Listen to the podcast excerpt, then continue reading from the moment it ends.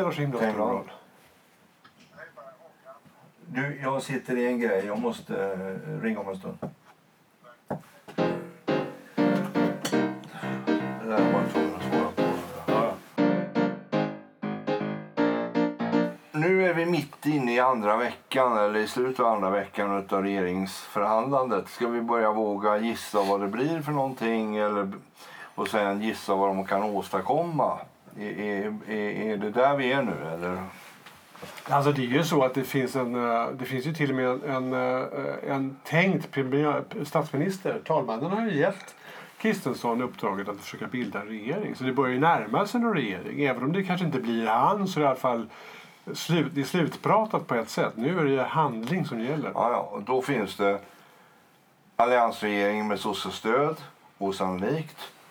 Eh, moderat KD med, eh, med eh, SD och mitt stöd. Lite mer sannolikt. Eh, men jag måste ändå säga det att det jag tror är att sossarna tar hem spelet och att det blir en mittregering och jag tror inte sossarna kommer vara eh, generösa nog att låta Annie Lööf bli statsminister utan det blir nog Löfven, Ygeman plus eh, Centern och Liberalerna och kanske Miljöpartiet. Men ska vi spekulera några minuter till om den möjligheten? För att det är ändå så att det kräver ju av Liberalerna och Centerpartiets ledare att faktiskt frångå sina allianskamrater, lämna det. Och eh, jag håller med dig, det låter möjligt att göra det men det är inte, det är inte sådär givet.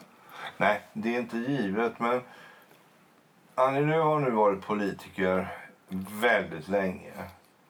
Hon har varit partiledare ganska länge. Jag tror att möjligheten att få bli minister är nästan omöjligt att motstå för henne. Nej, det är en bra drivkraft klart. Det, det finns en sak till som pekar på det. Det är att jag tror att om man lyssnade på eh, önskan i folkdjupet så tror jag att det här är deras drömregering. Folket vill av någon anledning att politikerna ska hålla sams. Och jag tror att hålla sams kring mitten är folkets bästa lösning själva. Så att jag tror att en sån här konstellation, om man pejlade den så skulle väldigt många svenskar säga ja men det där låter rätt bra ändå. Jag tror till och med att, att eh, den finns med höga poäng på den här listan över olika regeringar som man har gjort, gjort avstämning på. Jag kommer inte ihåg exakt siffran men, men du har ju rätt. Den, den tillhör de mest populära varianterna så att säga. Så vore jag då liberal ledare och inser att jag måste frångå lite grann det jag har sagt tidigare. Så om jag skulle slinka ur det på något sätt med heden i behåll så skulle jag väl säga just någonting sånt. Det här är ett svårt läge, vi hittar ingen annan lösning. Men vi tycker att se att det finns ett stöd i, i valmanskåren om att detta skulle kunna vara ett sätt att ta sig igenom det hela så Sverige får en ordentlig styrning. Dessutom är det lätt för Björklund, för han är ju på nedstuds. Han kommer ju inte att vara eh, liberal ledare i nästa valrörelse. Mm. Så han kan, han kan faktiskt eh, göra det här utan att skada sig själv. Däremot kan, kan han ju skada partiet för vi vet ju alltid vad alla vad små, små partiers öde i, i... Men om det nu är så många som ska samsas Mm. så kommer inte detta att bli en typisk socialdemokratisk regering. Det kommer att bli... Finansen kommer de väl att ha svårt att, att släppa ifrån sig. Statsminister kommer de ha svårt att släppa ifrån sig. Men de kommer att vara tvungna att släppa ifrån sig utrikesministern. Mm. För det, det finns inte på kartan att eh, mitten godkänner Wallström. Hon har varit för, alldeles för aktivistisk. Och sen försvarsminister, ja det blir väl Björklund då. Men tänk om Björklund lyckas kalla tillbaka Widman till riksdagen. Det vore ju liksom helt otroligt. Han kanske är för stridbar. Men Widman, är inte Widman kvar i riksdagen? Nej, jag tror inte han har gjort det. För att han sa tidigare att han skulle lämna. Jag vet faktiskt, jag har inte koll. Ja, han var ju med på listan över det nya försvarsutskottet, var han inte Ja, men då så, då har jag fel. Därför att eh, han, han antydde att han kanske skulle lämna riksdagen någon gång. Ja, okej. Ja, Ja. vi lämnar det. Okej, vi ser en konstellation framför oss. Vad, vad är möjligt sen då? Vad kan de göra för något? Mm, ja? precis. Utifrån mitten och lite halvhatade utav Sverigedemokrater och Moderater som ändå kommer att ge ett motvilligt stöd. Ja, för det är ju förutsättningen också därför att de här vi räknar upp nu, de har ju faktiskt inte riktigt, fortfarande inte riktigt full majoritet. Nej, det har de inte. De behöver stöd hela tiden. De behöver stöd av, av, av kristdemokrater Mm. och moderater och vänstern. Men vänstern har ju officiellt förklarat att de ger stöd åt det här. Ja, men då så. Då, då får vi arbeta oss igenom. Vad, vad är det vi hoppas att de ska göra? Vad tror vi att de möjligen skulle kunna åstadkomma? Ja, Vad, jag skulle vilja att de åstadkom. Och jag faktiskt till och med tror att de inser att de måste ge sig på. Det är att tillsätta en stor skattereformsutredning. Jag tror inte den här mandatperioden kommer att komma med en stor skattereform. Men jag tror att en utredning som tittar på möjligheten att hitta ett mer balanserat skattesystem med lite lägre skatt för medel och låginkomsttagare som jobbar och kanske lite åtgärder när det gäller reavinstskatt, fastighetsskatt, kapitalvinstskatt eh, och, och så vidare. Alltså, det vore väldigt bra för Sverige om, om vi kunde få en parlamentarisk bred skattereform. Men det kanske är politiskt klokt att göra så, som du antyder. Man använder nästan fyra år för att, för, för att utreda och förankra väl. Istället för att kriga om det försöker man hitta liksom gemensamma, gemensamt sätt ett gemensamt synsätt. Jag tror det till med att det blir nödvändigt. Va? Därför att det är, ju, det är ju som din kollega sa eh, innan vi gick in här att eh, den största sprickan i en sådan regering det är ju mellan Centerns eh, skatteaktivism och socialdemokratins ska vi säga, eh, skatteaktivism. Alltså det, är- det är som noll och hundra mellan de här två åsikterna. Och en, ett sätt att begrava en sån eh, fråga det är att säga hej guys, vi vet att vi är oöverens. Men låt oss nu skaffa ett gemensamt underlag Ja, och så får liksom eh, ett klokt gäng eh, med några bra eh, nationalekonomer sätta sig ner och titta på det hela i fyra år. Men då är vi inne på Eller att tre eh, år. det vore önskvärt. Men det vore också möjligt att ändå lägga planen för en skattereform. Ja. Och jag tror också att den stora skattefrågan som brinner mellan S och C skulle man kunna pacificera på det här sättet. Mm. Ja, ingen skulle svika, utan man, det är en svensk Ja, lösning. Mm, mm. Och det är väl det som behövs just nu när det gäller sådana här frågor. Man, de, de har ju ett föredöme i det som man gjorde. Vad är det nu? Det är alltså början på... Det, ungefär... 89-90. Precis. Mm, Precis i decennieskiftet där ja. Ja. Den var stor och omfattande verkligen. Och alla, och alla är sympatiska till det fortfarande på något Ja, sätt. precis. alltså. precis. Det det, borde ska löna sig att jobba Ja. inom rimliga gränser. Det måste omfördelas, Mm. men det ska ändå löna sig och så vidare. Borde vara möjligt att, åter, att återvinna en, en sån uh, konstellation Ja. överenskommelse. Ja.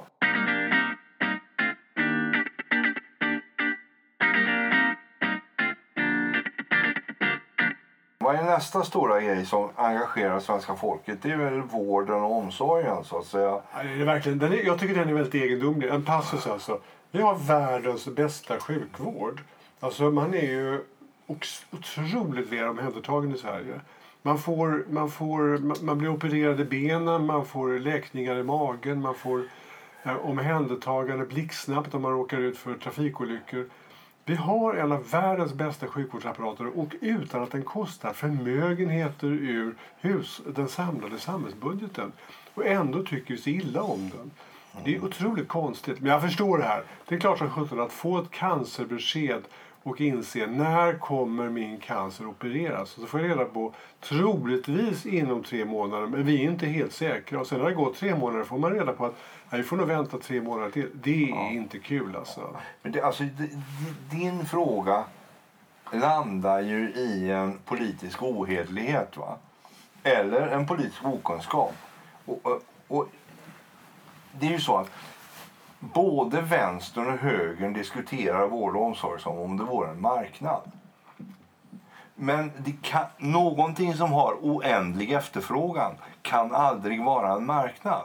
Därför att det finns alltid ett nytt skavsår. Och det gör det att vi försöker, vi försöker lösa vårdproblematiken med, med ett resonemang som inte är applicerbart på vårdproblematiken. Utan jag tror att vård och omsorgsfrågan ska man lösa praktiskt. Man ska liksom försöka göra en primärvårdsreform som håller undan primärvården från, från eh, ska jag säga, den avancerade sjukhusvården. Vi ska ordna eftervården, ålderdomsvården, praktiskt. Jag tror den stora frågan i, i, i vårdsverige det är ska vi ha eller ska vi inte ha landsting. Där tror jag att, att eh, eh Eh, det är Kristdemokraterna som driver den frågan. Men, men alltså, på något sätt, precis som vi tillsätter en en, en utredning om skatterna så tror jag faktiskt vi måste tillsätta en utredning om landstingens existens.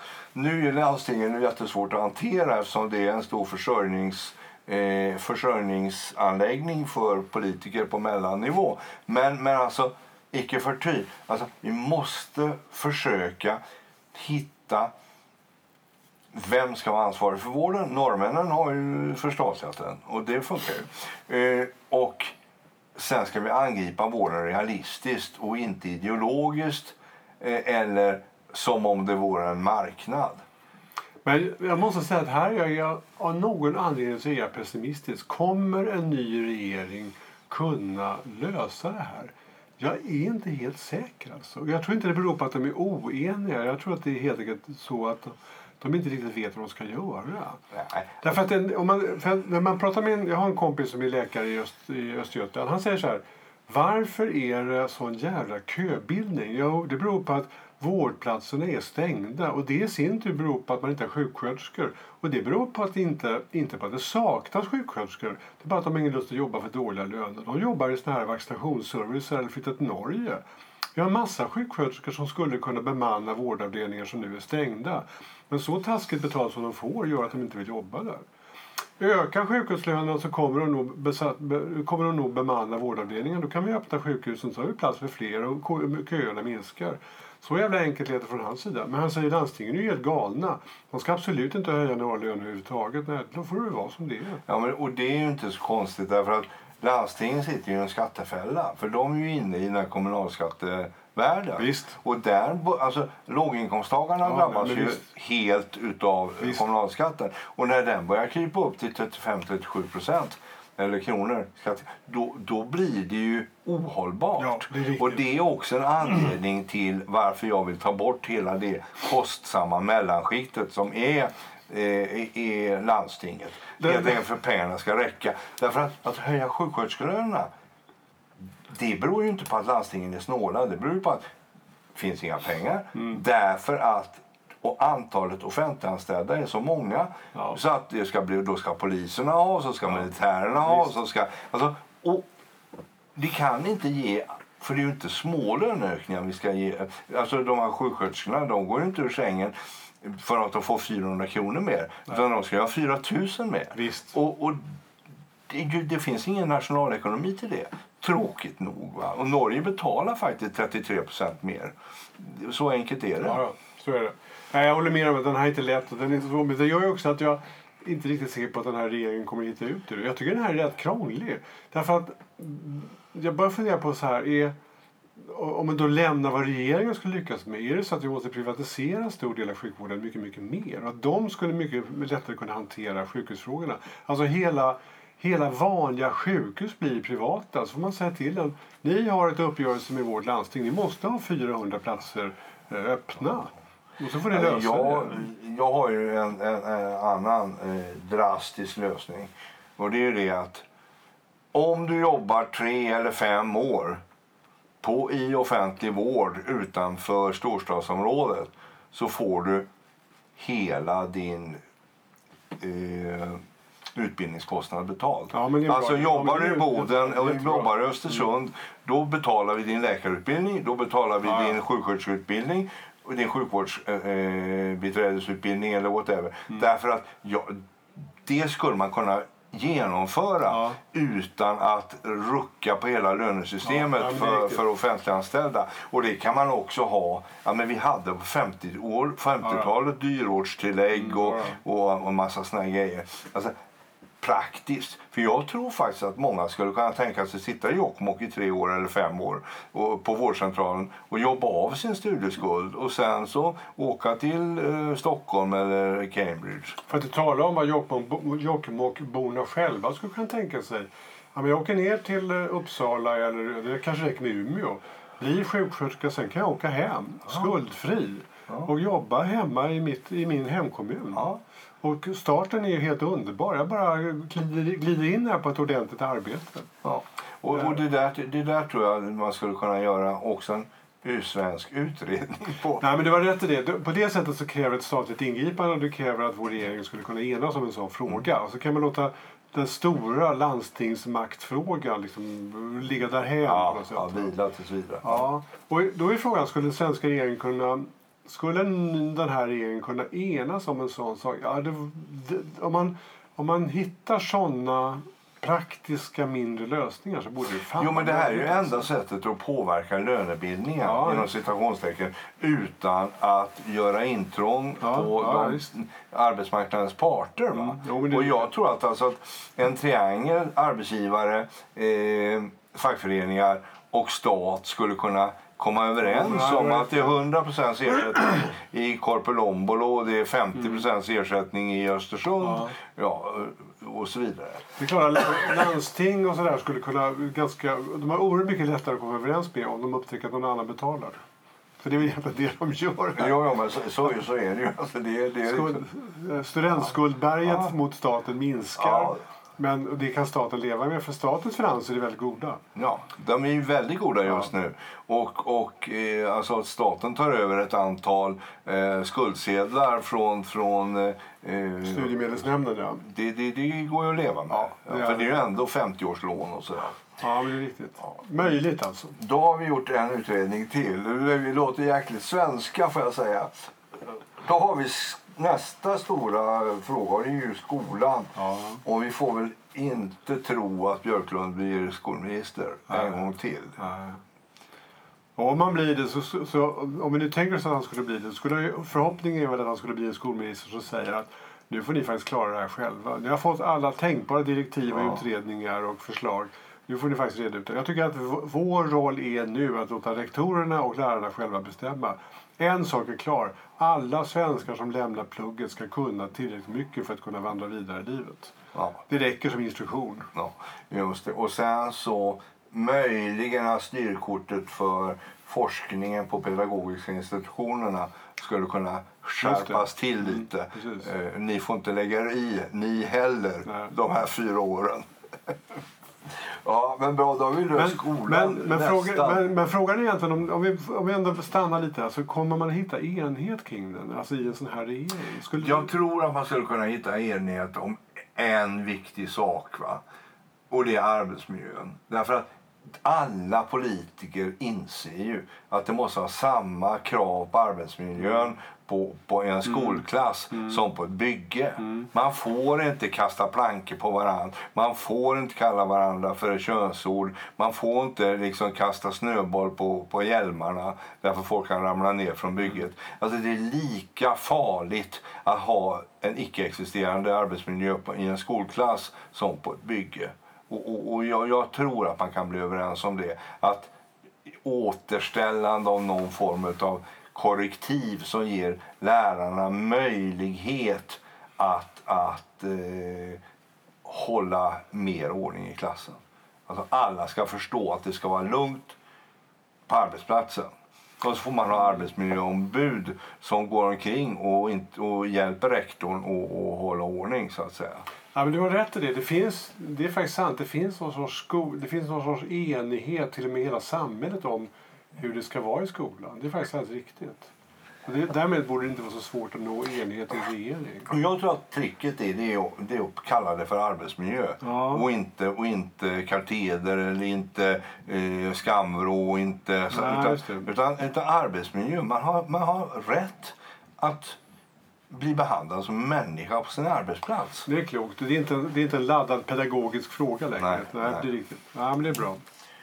Då kommer vi osökt över till nästa ordning och reda-fråga. Det är ju lag och ordning. Alltså hur återtar vi våldsmonopolet i de utsatta områdena? Den är väl eh, svår helt enkelt.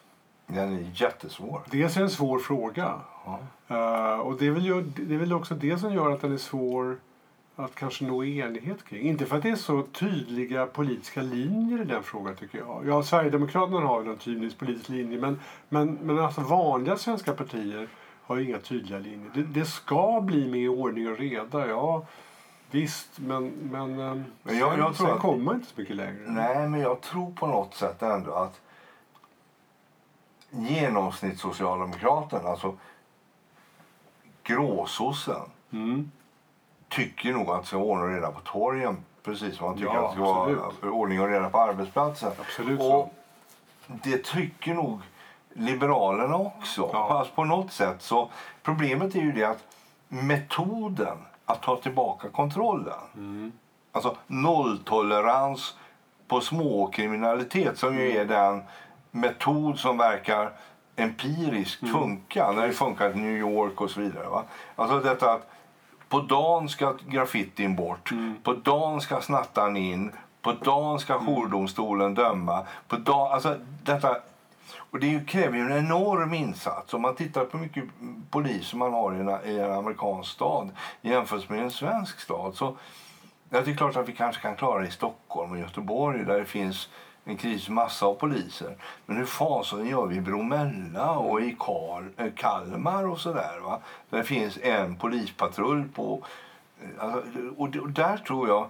Frågan är om inte vi måste återinföra två saker. Det ena är beredskapspolis för gråzonstillfällen med yttre hot och kommunalpolis för ordning och reda i, på orten så att säga. För att, för att alltså, tanken att vi snabbt ska få fram 10 000 stadspoliser till när de har svårt att rekrytera till polishögskolan.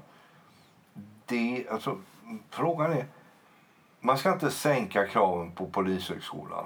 Men möjligen så skulle man kunna säga så här, vi har en tvåårig eh, kommunalpolisutbildning eller ettårig kommunalpolisutbildning. För I Frankrike finns kommunalpolis och eh, statlig polis och så finns det gendarmeri som är halvmilitärt. Varför ska inte vi åtminstone kunna ha två nivåer? jo, det är ju därför att vi inte vill vara ett polis, vi vill inte vara en polisstat. Alla, det ser man i alla sådana länder som är ehm, som har många olika poliskårer. Det är nästan genomgående så att deras den, demokrat, på den, demokratiska skalan så är, ligger de liksom lägre ner än, på, än Sverige. Än vi som har, ja, nej, men vi, vi, det, det, är sant, det är sant. Så att det är skälet bakom. Jag menar, det ska inte hindra oss för framtiden. Men jag tycker att den här, det intressanta med den här frågan är att jag tror du har helt rätt. Det finns en, en, en, en kompakt enighet. Lag och ordning ska gälla. Så långt är klart. I befolkningen och bland, oss, bland politikerna. Jag tror att svårigheten är att försöka hitta... För så fort vi börjar prata om det så inser man att den är så krånglig. Vi kan inte, vi kan inte bara ta in mer folk till de statliga polisskolorna att införa en ny typ av poliskår, att införa... Eh, alltså många sådana saker blir svåra politiska frågeställningar. Ja, det blir det. Och tid tar det dessutom. För även om vi skulle bestämma imorgon bitti att vi ska ha kommunalpolis. Mm. Då finns det ju inga kommunalpoliser förrän om tre år då. Alltså ett och ett halvt års utbildning plus etablera organisationen. Ja. Och sen skulle det suga bort kanske 20 procent av polischeferna ur den statliga polisen för de skulle bli polischefer i Mm. kommunerna och få högre lön och så vidare. Så att jag, med, jag, är, jag är enig i det. Det är ingen, ingen lätt. Men vad är alternativet då? Att ge civilbefolkningen större befogenheter?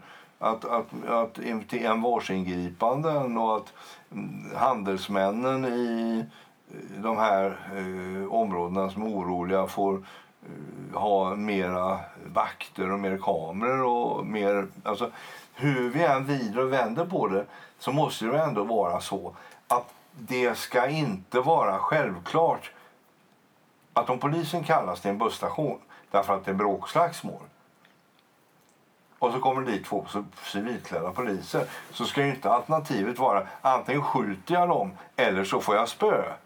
För, det, för nu är det ju så. Mm. Bara förrgår då så, så blir en stackars polis Mm. grovt misshandlad av två 35-åringar därför att han inte skjuter dem. Mm.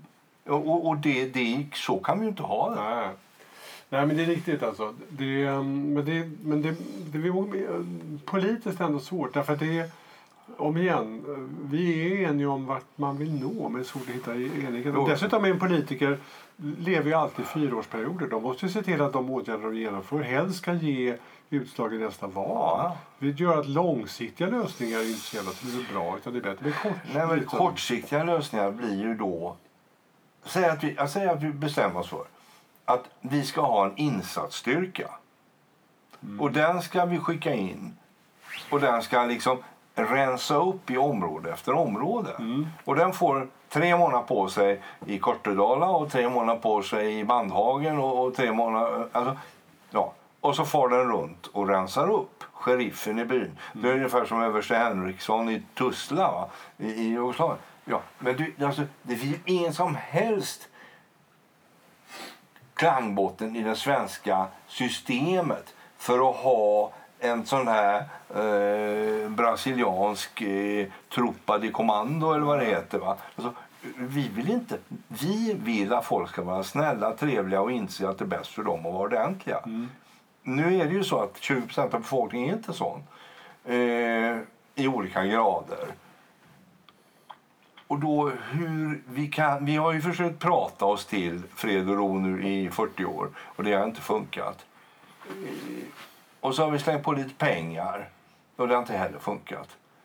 Men jag tror inte vi är där ännu att vi vill sätta in nationella insatsstyrkan i olika områden och jaga, jaga bovar. Nej, nej, så är det inte. Men, nej, jag håller med. Det, det är inte jag säker på att det är så himla många heller. Jag tror jag berättade tidigare. Filip och Fredrik gjorde med någon expert en genomgång över så kallade utsatta områden. De kom fram till att det fanns 800 personer som stökade till allting. Sen hade de tusen svans av följare. Men ändå var det liksom förhållandevis få. Och, och då inser man att med en sån här äh, filippinsk diktator så skulle man stoppa in alla de 800 i fängelse så skulle det bli lugn och ro på gatorna. Det skulle förmodligen hjälpa rätt långt. Ja. Men det är klart att det svenska rättssystemet skulle inte riktigt tillåta att man gör på det enkla sättet. Nej, speciellt inte den filippinska modellen Nej. för då skulle ju 10% av dem dessutom blivit skjutna. Skjuta på vägen, ja Ja, precis. så, så att, eh, och det, det, här är, det här är precis som våra geopolitiska utmaningar svårt för oss att hantera för vi, vill- vi vill inte att världen ska vara så. Nej. Men jag tror att du har rätt i att de- här, det här gnetiga polisarbetet på gatan är ju det, det, blir lite grann samma sak. För man hittar de här busarna ganska snabbt om man tittar noga på gatan. Lär det vara. Det säger i alla fall polisen i New York att det är på det sättet. Eh, och på det sättet så hamnar de förr eller senare bakom lås och bom. Men i alla fall inför domarskranket. Och det, är- det är ju gott nog. Ja. Men, men, Men det, kräver, men det kräver ju insatser. Ja. Ja. Men om vi då bestämmer oss för att vi ska ha 20 000 poliser till. Ska vi vänta i fyra år till de är Precis. färdigutbildade? Ja, precis. eller ska vi ta 20 000 och säga okej, ni får ett och ett halvt års utbildning och så blir ni poliser och så är, blir ni kommun, kommunpoliser. Alltså, det där måste utredas. Jag menar, eh, men på, på något sätt så, så vi kan inte ha det så att, att eh, det blir lokala klanledare som håller ordning i förorterna. Alltså, Och jag tror att, jag tror att de, den här regeringen som vi ser framför oss, de kommer, de kommer att säga unisont, nej men självklart kan vi inte göra det. Eller självklart kan vi inte, kan vi inte ha det på det sättet. Men jag tror ändå att de kommer få lite svårt att liksom hitta lösningarna. Jag tror tyvärr det alltså. så det, Stor det, enighet men svårt att eh, enas om ja, sen. och det innebär ju då att eh, nu har vi en bra inom situationstecken rikspolischef som verkar handlingskraftig. Ja, det är sant. Och, och eh, ja, vi får väl utgå då från att eh, gnetet kommer igång helt Mm, enkelt. Och att rättssystemet också hanterar det här på ett vettigt sätt. För det är ju den andra problematiken där med vittnes eh, anonymitet Ja, och hur ska vi skydda vittnen och hur ska vi få lagsöka folk när vi väl får fatt i dem. Mm. Och det här med, ska man faktiskt kunna få mindre straff och att, våldta en 13-åring än något mindre ekonomiskt brott. Alltså, det, det, finns en massa i, hela rättskedjan Oh ja. att se över. Eh, Alltså, jag är inte sån här jättesäker på att hårdare straff är grejen. Men däremot så att straff utdelas, utdöms och exekveras. Det, det är jag väldigt upptagen av. att Det verkar som man, man kommer undan så enkelt. Ja, att man ri- risken att åka fast är, är hög. Ja. Mm, visst, Precis. visst är det så. Intressant fråga, därför att du har rätt i det. Vi har en bra polischef numera. Vi har en regering som förmodligen skulle lyssna och hålla med oss om eh, situationsbeskrivningen. Och ändå kan det vara rätt svårt att eh, se liksom, re, rejäla åtgärder. Ja, men alltså det där med nolltolerans, jag, jag tror väldigt mycket på det. För att min lilla erfarenhet av att hålla ordning på biografer så vet vi ju det att, att ta bort, eh, ta bort eh, graffitin och se till att det inte blir en, en, en väntsal. Mm. Det, det är ju två enkla åtgärder för att Ja. få ordning på en filmstad.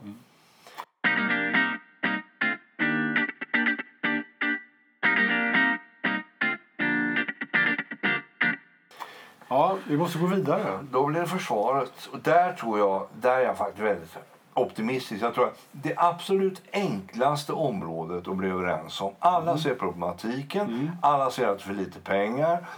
Statsfinanserna är, är goda. Jag tror man kommer att komma överens om en försvarsöverenskommelse i den här regeringen. Det kommer man att göra fort som tusan. Som en av de första åtgärderna de gör så kommer man att skylla på varandra. Ja, det blev lite dyrt men ni måste förstå, vi måste muta majoren, säger sossarna. Och de andra säger att ah, det blir kanske inte riktigt så mycket som vi hade tänkt men det blir, det blir ändå ganska bra. Och så landar man någonstans med en trappa som går mot en och en halv procent och så får man de här 18 miljarderna som ÖB har bett om och så vidare. Och till och med Liberalerna kommer vara med alltså. Ja, jag tror det. Därför att det här är... Det här är Alltså, sossarna kommer att langa in 2 miljarder extra för att Björklund ska vara nöjd. Och så blir det en ganska vettig, Ja. realistisk Mm, eh, försvarsuppgörelse som landar någonstans i att eh, vi har 1,5-1,7 procent av BNP om 6-7 år mot 1 procent idag. Och så en ganska eh, snabb steg upp mot det. Och jag tror att faktiskt de kommer att göra det Därför jag tror till och med Socialdemokraterna börjar bli rädda för vad fasen som håller på att hända i världen just nu. Det tror jag är den enklaste pilsnern för den här regeringen. Ja. Jag, jag, jag har ingen anledning att säga något annat. Jag hoppas du innerligt har rätt. Ehm, och att det blir så. Ja, men alltså Socialdemokratiska Aftonbladets eh, eh, kultursida börjar ju förbereda politikerna på det. Det stod ju idag eh, att självklart har ryssarna planer på att anfalla Sverige. Ja, det är bra. Hon, Gessen. Ja, ja. ja just det. Ja, då kommer vi också nästa stora grej och där tror jag är svårare däremot och det är ju utrikespolitiken, geopolitiken, den här skillnaden mellan idealism och realism i geopolitiken. Ja, man kan ju inte beskylla... Alltså, Wallström kommer inte bli utrikesminister. Det, det tror jag är omöjligt i den här regeringen. Därför vi kan inte ha en utrikesminister som aldrig kan vara neutral i en konflikt utan alltid tar sida som gör att vi diskvalificerade som, som fredsmäklare som alltid tar en, yt, en idealistisk ytterlighetsposition och blir, har dessutom en enorm talang för att bli odiplomatisk ovän med folk. Alltså, det, det, det kommer inte hända. Och då är frågan hur mycket Kommer vi att skruva på utrikespolitiken eller kommer vi bara ligga lågt de här fyra åren? När man säger så, då kanske det är så att Bild som införde det att utrikesmini- numera ser vi utrikespolitik så, förlåt, utrikespolitik i Sverige är väldigt väl kopplat till vem det är som är utrikesminister. Och därför så, så ser vi omedelbart så blir det en Wallström-fråga eller inte på något sätt. Va? Inte en utrikespolitisk fråga, alltså inte en politikfråga. Du menar så? Ja, det, alltså, det är ju så här, jag, jag har ju några bekantingar på, på utrikesdepartementet eller som har varit på utrikesdepartementet. Och en, jag frågade just om det här eh, här veckan. Och då sa min sagesperson att eh, det är så här att när det är högerregering då tillsätts ett antal politiska tjänstemän på departementen Mm. som försvinner Mm. när regeringen flyttas. Men Socialdemokraterna har konsekvent de senaste 40-50 åren Mm. sett till att just när det gäller utrikesdepartementet så tar man inte in politiska tjänstemän utan man tillsätter avdelningschefer som kommer ur den socialdemokratiska Ja, kadern. Ja, Och det gör det att hela utrikesdepartementet, och det ser man ju nu i det här brevet Mm. Ja. som de skickade, alltså, som ju är hinsides om man, om man tror på, på ämbetsmanna oväld så att säga. Eh, och det gör det att, ja det är väldigt mycket en, en, en, eh, en eh, fråga om vem som är utrikesminister.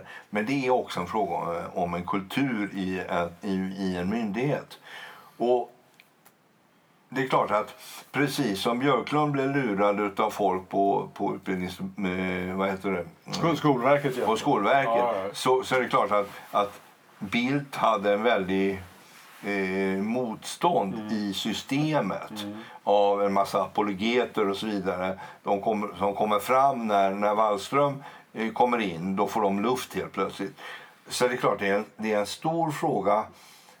Men jag tror att det är väldigt mycket en ministerfråga. Därför jag tror att med en annan socialdemokratisk utrikesminister, en som inte är uttalad pacifist och uttalad feminist och måste torgföra sina åsikter i varje sammanhang så hade vi haft en helt annan utrikes... Alltså vi hade Ja, inte varit ovän med Hultqvist även om han också är Palestinavän.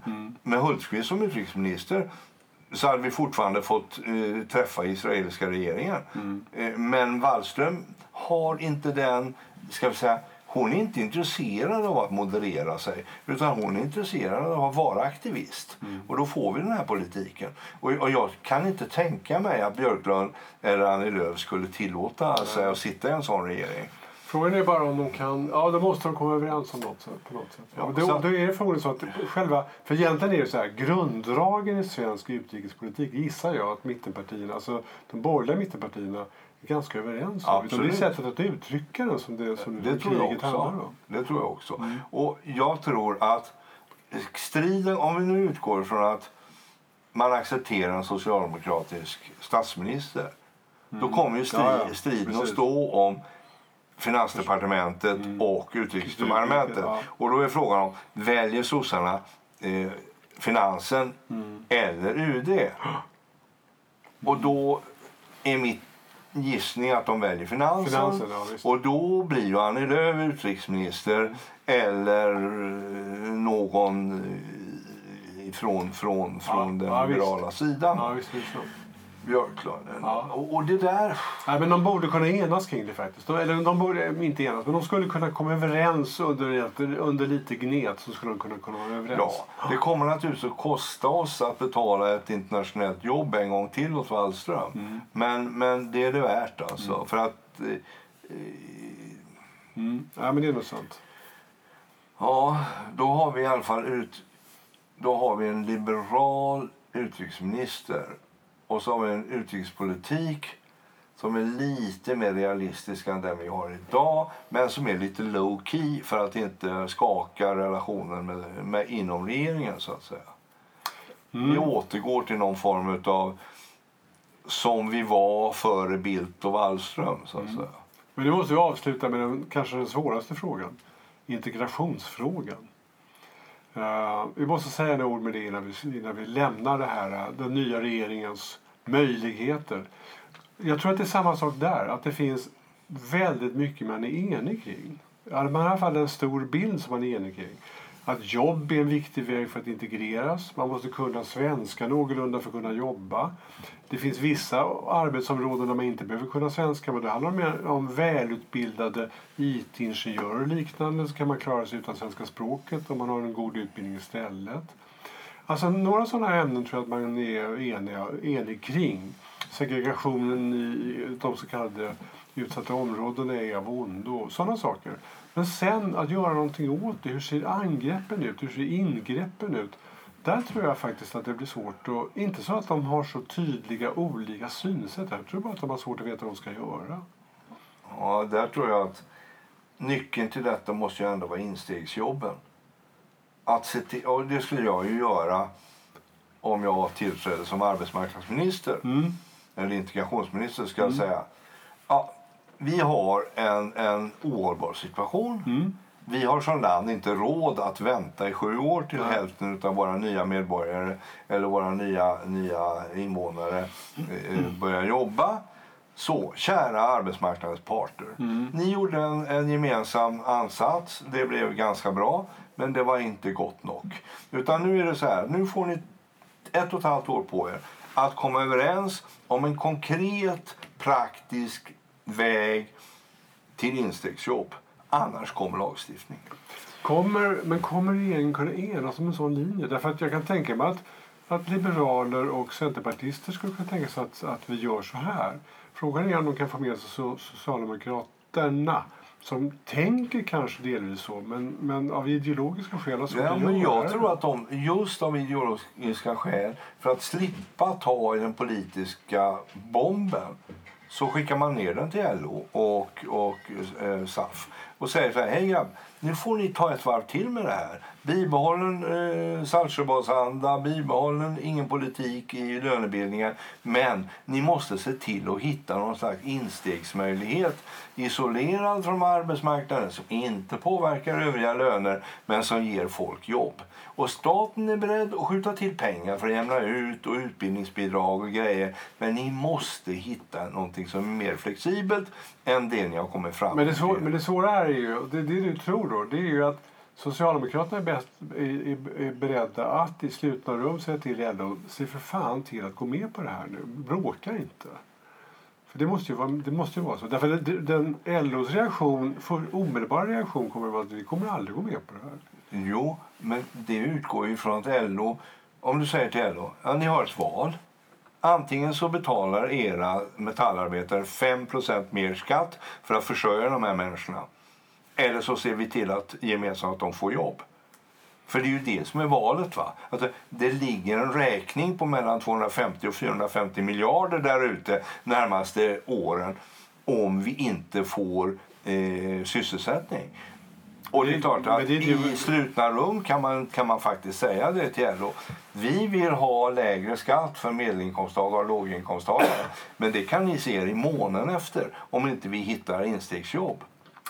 Så att regeringen kommer kunna enas med du och Socialdemokraterna kommer övertygas om att vid behov ta i med hårdhandskarna med sitt LO. Alltså. Eller inte sitt LO, med LO. Ja, det- jag, tror att, jag tror att det här håller på att bli en så stor samhällsfråga. Alla inser att de måste lösas. Alltså, antingen måste de här människorna jobba ihop sina pengar själva eller så måste vi andra betala skatt till dem. Och, jag menar, det finns ju ingen det finns ju inte på kartan att folk vill ha skatteökningar på den nivån eh, på vanliga inkomster. Nej, jag menar, det är som att be att, att Sverigedemokraterna får majoritet nästa gång. Precis. Mm, och, så, och den andra grejen jag skulle göra, jag skulle starta snabbspårsutbildning. Alltså det vi pratade om för länge, länge sedan på någon podd. Att se till att skapa högskolor eller folkhögskolor som under tio år ser till att varenda utländsk utbildning det ska inte vara så som min, min argentinska kompis som har en fullgod argentinsk eh, veterinärutbildning. Nu råkar Argentina vara ett av de länderna i världen som mest avancerade veterinärutbildningar. Men han måste ändå gå fem år på veterinärhögskolan Ja, i. Sverige för att få sin legitimation i Sverige. Det skulle naturligtvis gå att utbilda honom till svensk veterinär på 18 månader. Han råkar dessutom prata flytande svenska. Så att, att se till att, att ha konsekvent utbildning utan sjuksköterskor, läkare, eh, datatekniker, ingenjörer, fan hans moster alltså. 18 månader inskolning i svenskt och sen stämpel på pappret. Och funkar inte det, 18 månader till. Alltså om du inte klarar testerna. Ja, bra. Eh, Det låter ändå som vi hittat några, några viktiga områden där vi faktiskt tror att regeringen skulle kunna... Den här regeringen som vi ser framför oss skulle kunna samarbeta. Ja, lösningar. jag tror faktiskt det skulle kunna funka. Eh, Jag tycker inte det är den idealiska lösningen, men, men Möjligen. fungerande svensk modell.